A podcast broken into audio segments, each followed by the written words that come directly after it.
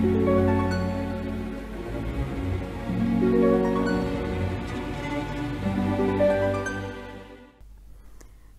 saya dengan Madam Aza untuk Sagittarius. Yang pertama kita bacakan adalah karir ya. The Magician.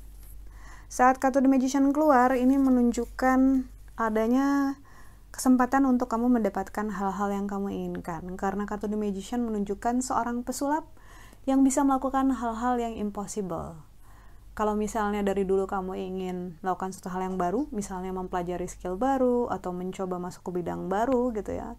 Ini adalah saat yang bagus karena saat ini semesta sedang mendukung untuk membuat harapan menjadi kenyataan. Kata kuncinya adalah strong will, keinginan yang kuat. Jadi ya selain punya harapan, keinginan yang kuat, upayanya juga disesuaikan. Yang kedua, bacaannya adalah tentang percintaan kartu death. Saat kartu death keluar ini biasanya menunjukkan perubahan yang cukup drastis, transformasi perubahan. Biasanya ini menunjukkan beberapa hubungan yang putus gitu ya. Ataupun akhirnya selesai sama yang lalu. Udah lama putus sama mantan tapi belum bisa move on. Ini adalah masa-masa di mana rasamu bisa berubah dengan drastis. Akan ada perubahan yang cukup signifikan.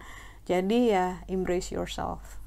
Saran saya tidak usah terlalu menyesal untuk hubungan yang sudah saatnya dipelajari. Tiap orang ada jatah pelajarannya masing-masing. Kalau pelajarannya udah selesai, ya saatnya untuk berhenti dan mungkin belajar suatu hal yang baru dengan orang yang lain. Kartu nasihat yang diberikan, kartu terakhir adalah Wheel of Fortune. Saat kartu Wheel of Fortune keluar, ini menunjukkan adanya transisi perubahan seperti roda kehidupan yang bergerak atas ke bawah, bawah ke atas. Untuk beberapa orang akan terasa seperti naik kereta api, sedikit bumpy tapi tidak masalah, tapi buat yang orang lain akan rasanya seperti roller coaster. Nah, yang diperlukan adalah kemampuan untuk beradaptasi dan fleksibel terhadap perubahan apa pun yang terjadi kamu akan baik-baik saja tapi agak sulit untuk mengendalikan perasaan kalau misalnya kamu insecure dengan dirimu sendiri. Kalau sudah buat keputusan, konsisten. Jangan lupa untuk subscribe, like, dan share agar berikutnya lebih gampang mengikuti bacaan dari Madam Aza. thank you